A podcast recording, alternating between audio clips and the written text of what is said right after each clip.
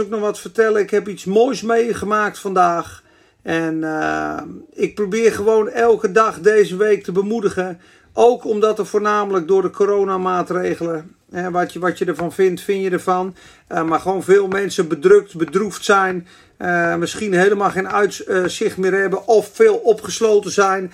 En of gewoon hele gelukkige mensen die lekker verfrist en bemoedigd willen worden. Maar deze week hebben we uitgeroepen tot week van vertroosting. Het is een beetje geboren dat ik vorige week heel veel eh, onderbuikgevoel had. Verdriet, moeite. Ik weet helemaal niet waar het vandaan kwam. En toen dacht ik, joh, ik ga eens wat lezen over bemoediging. En dat was heel mooi in Psalm 34 en in Psalm 30. En toen dacht ik, joh, er zullen wel meer mensen dit hebben. Misschien is het wel een knipoog van de Heer. Uh, dat je wat mensen moet gaan bemoedigen met dat wat je door God gekregen hebt. En zo begonnen we met Psalm 34, daarna Psalm 30, toen 2 Korinthe 1. Dat je vertroost wordt in je verdrukking door God. Daarna hebben we gisteren handelingen behandeld en prijzen in het midden van de storm, Psalm 54. En nu wil ik het vandaag hebben over de Heilige Geest. Uh, de trooster die de Vader zal zenden in mijn naam. Of je gelovig bent of niet, ik wil beginnen met een verhaal. Ik heb net met het uh, verkopen van de bussen aan het eind een heel bijzonder gesprek gehad van een uur. Uh, man kwam uit de buurt van Delft projectontwikkelaar, mooie 7-serie, LE, 47 LE. En hij kon bij mij een busje kopen en we raken een beetje aan de praat over de coronamaatregelen, over het leven en over Jezus, over het geloof. En hij vertelt mij over zijn oprechte zoektocht naar waarheid, naar licht, naar liefde. Hij zei, ik, ben, ik weet niet of je weet wat vrijmetselarij is. Nou, ik heb daar een heel negatief beeld van. Ik ken, uh, denk dan aan een piramide, infiltreren in de maatschappij en uh, controleren waar je kan. Hij zei, nou dat is iets anders. Hij tekende het voor mij uit en hij zegt, joh, dat is met een hamer en een bijtel. Vroeger uh, bij de katholieken hebben zij getracht een beter mens te zijn en hij legde wat dingen erover uit. En op een gegeven moment vertelde ik iets over vroeger. Uh, waar ik vandaan kom, hè, dat ik drugs gebruikt heb, dat ik twaalf jaar verslaafd ben geweest. En hij was echt betrokken en geïnteresseerd. En hij zei, joh, hoe zat dat dan? Ik zei, joh, ja, ik heb geroepen tot God. Want ik zat op een gegeven moment voor, uh, uh, voor een tram. Ik was twintig jaar in, in, in Rotterdam. Ik was verslaafd. En ik was zo depressief dat de tram voorbij kwam. En toen ik dacht van, joh, ik spring met mijn hoofd voor, voor het wiel van de tram. Daar ben ik er vanaf. En iets in mij hield mij tegen. En hij zei: Hoe weet jij dan dat God bestaat? Ik zeg: Nou, ik heb zo vaak geroepen tot God. En ik heb zo vaak een knipoog en een antwoord gehad. En God leidde mij naar een verhaal. Uh, wat ik meegemaakt heb. Ik was vroeger in Amsterdam, was ik altijd op de fiets. En uh, dan was ik ja, aan het blowen, aan het stappen, aan het feesten.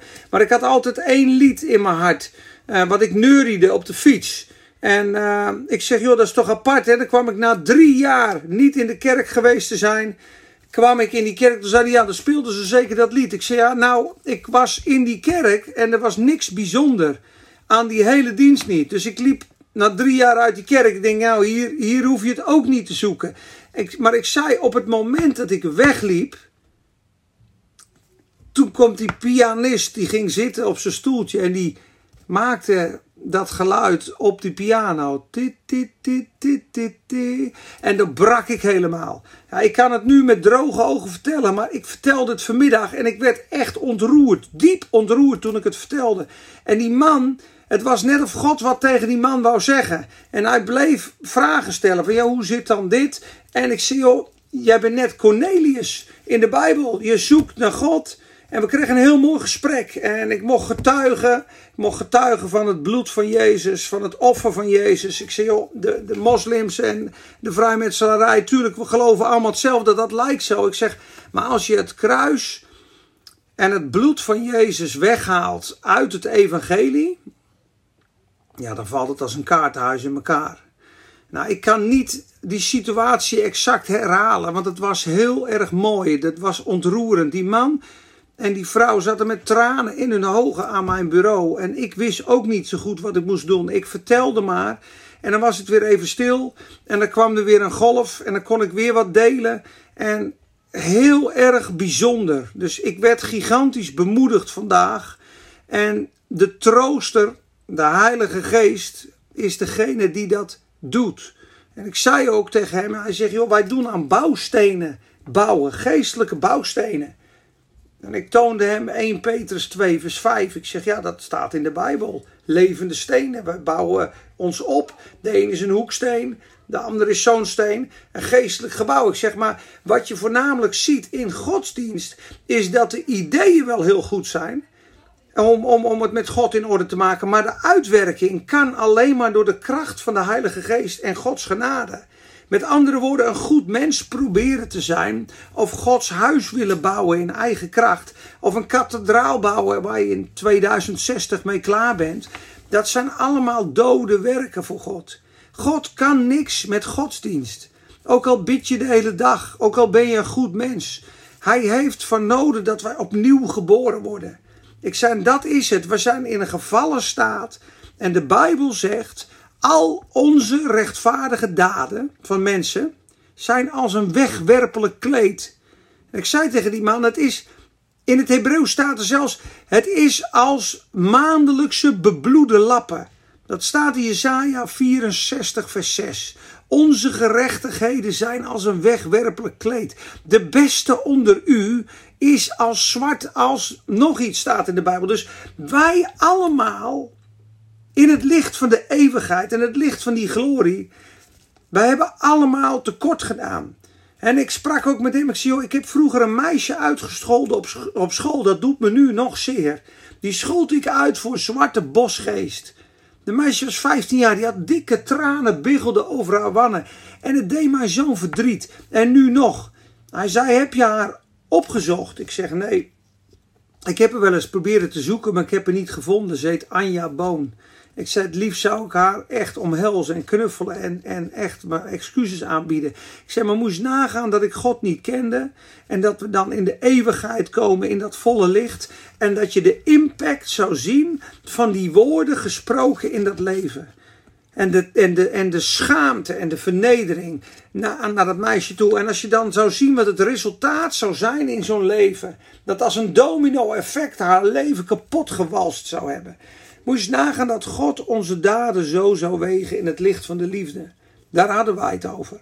Ik zie, daar staan we allemaal schuldig. Dus het enigste unieke verschil met het christelijk geloof, met vrijmetselarij of katholicisme of islamgeloof of Boeddha of Hare Krishna. Elk mens is bezig om zichzelf te redden, om zichzelf acceptabel voor God te maken. Door goede werken, door misschien een goed mens te zijn. Nee, dat is niet het evangelie. Ik zeg het evangelie is dat als God naar ons kijkt en in zijn rechtvaardigheid ons moet oordelen, zou hij niets anders kunnen dan ons rechtvaardig straffen.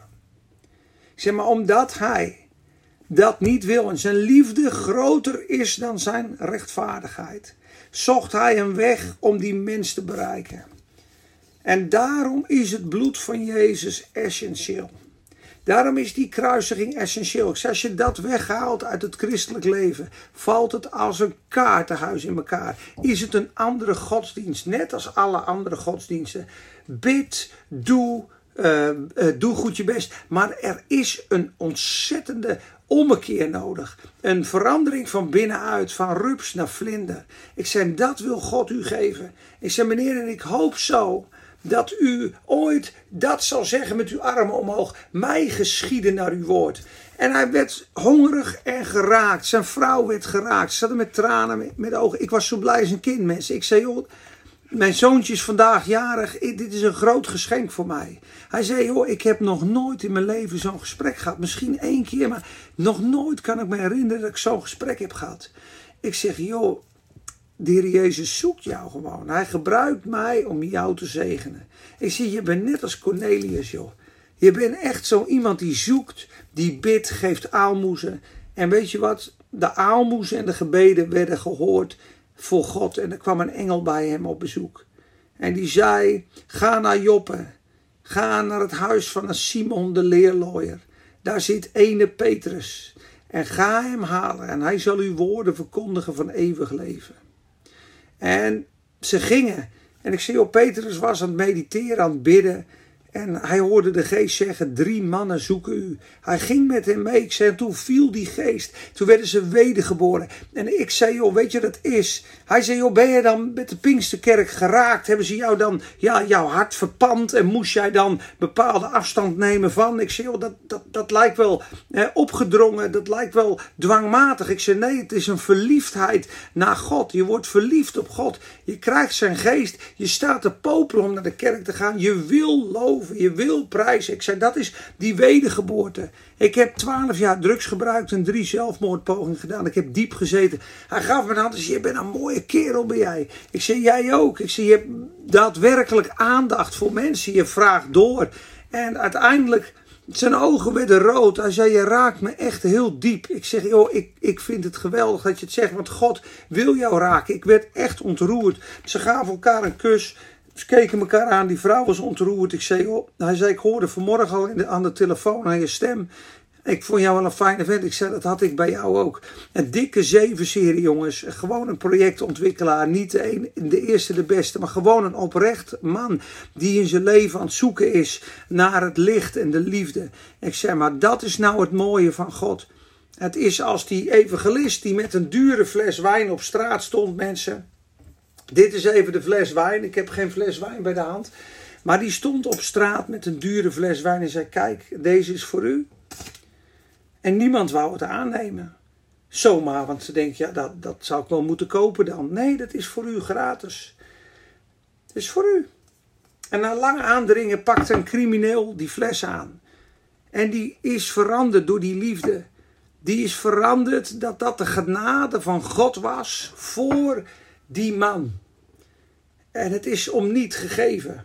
En dat mocht ik delen. Mensen, ik was zo blij als een kind. En ik reed naar huis en ik denk, joh, het is 24-2. Dit was mijn doopdag, 2002.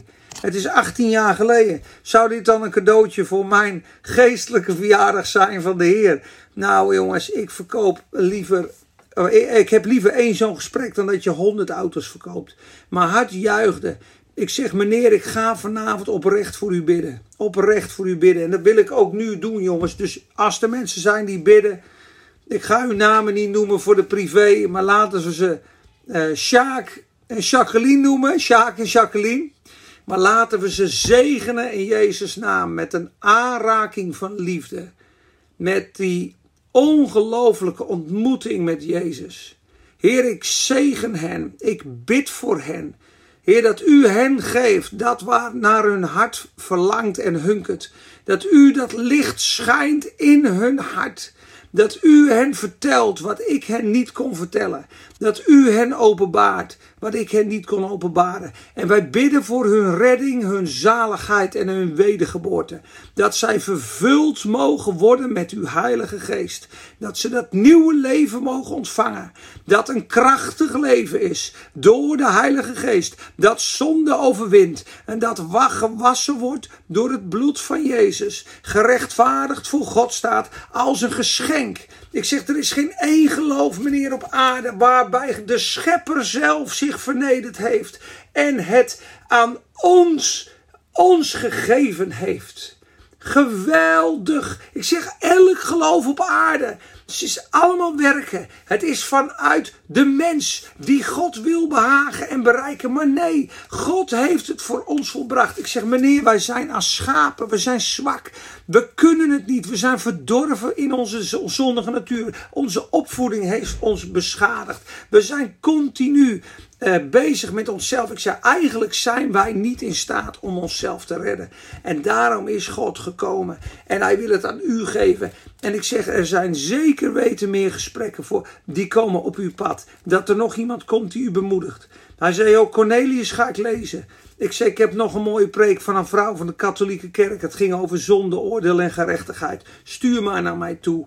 Ik wou ze bijna knuffelen, die mensen. Ik vond het zo'n zegen. En toen dacht ik, ja, laat ik dan maar spreken vanavond over dat getuigenis en die trooster, die Heilige Geest.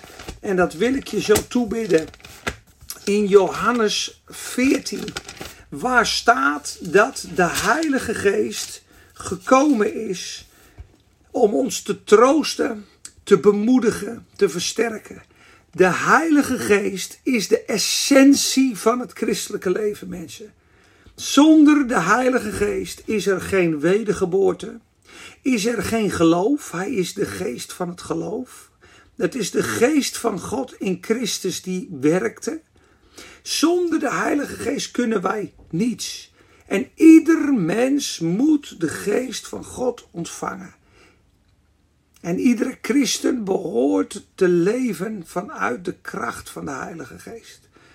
Ik zal u geen wezen laten, zegt de Heer Jezus.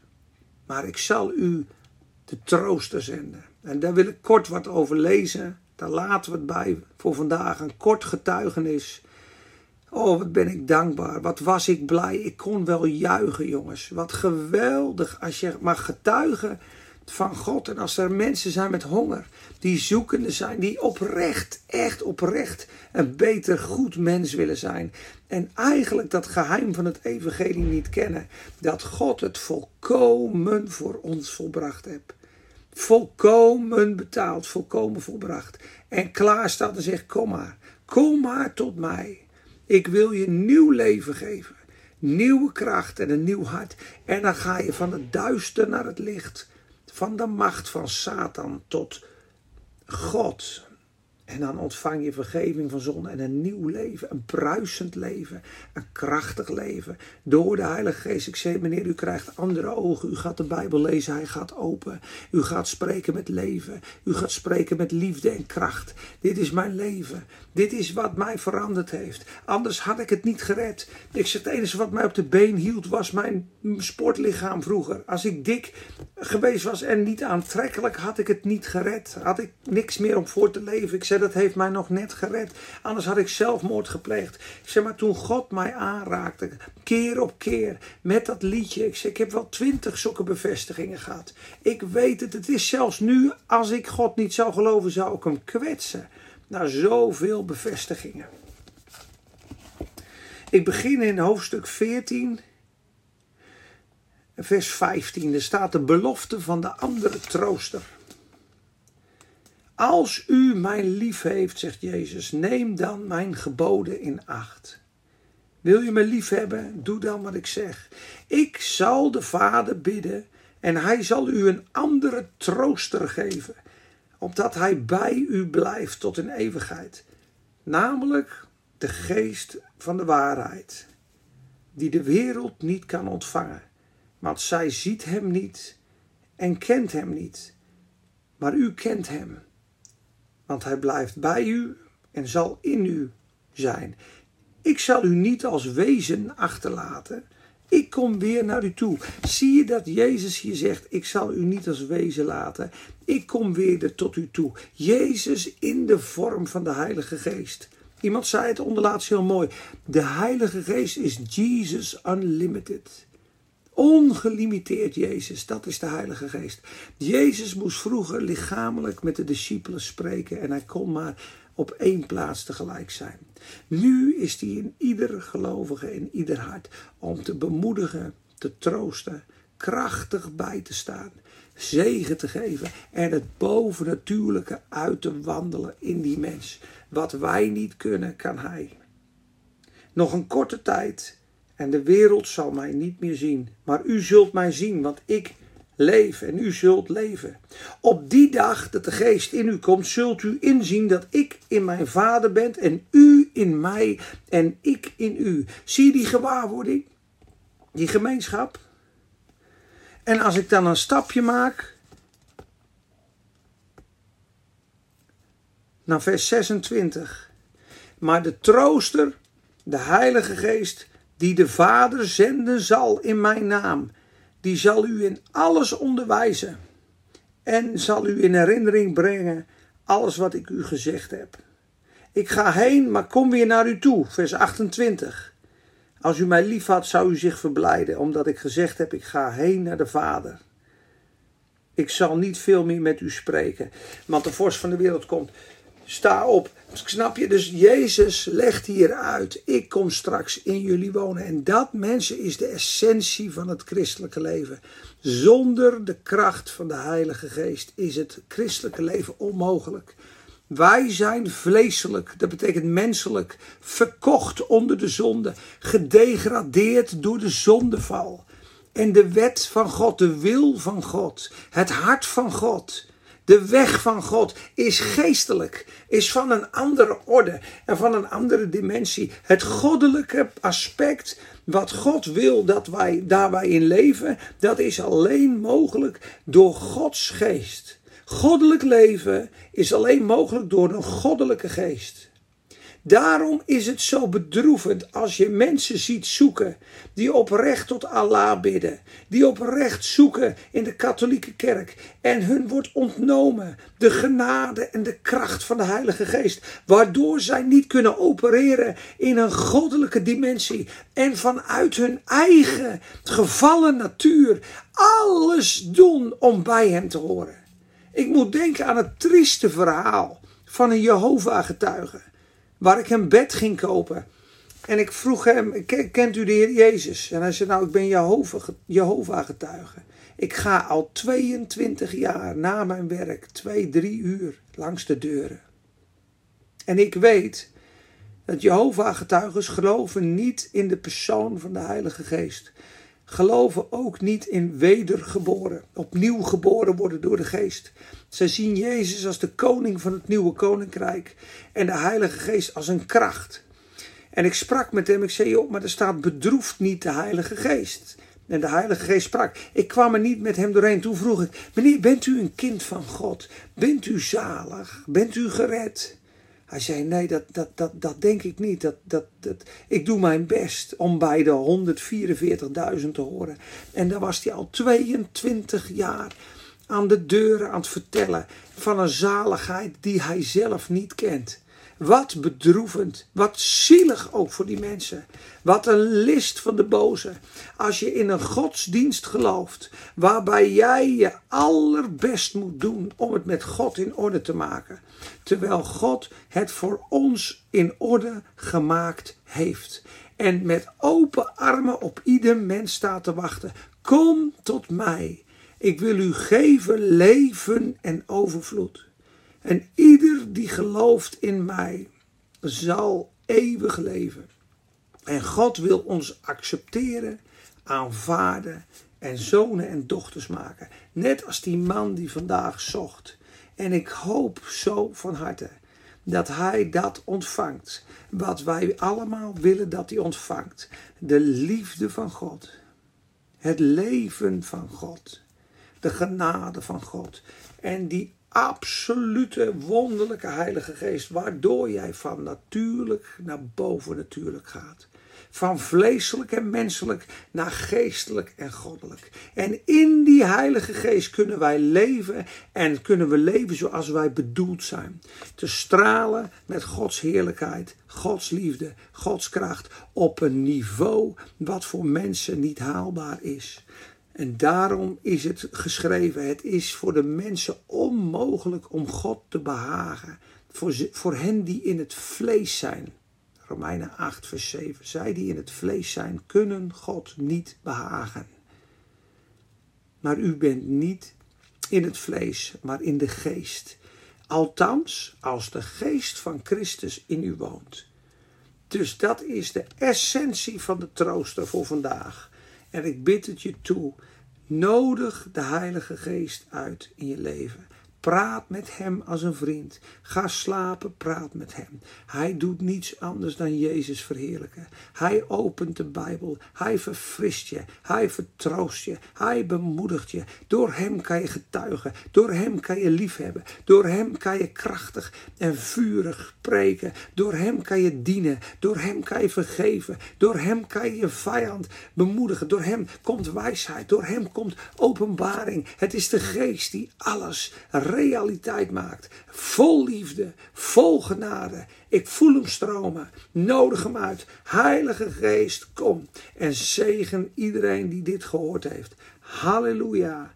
Amen. Dikke kus. Tot de volgende.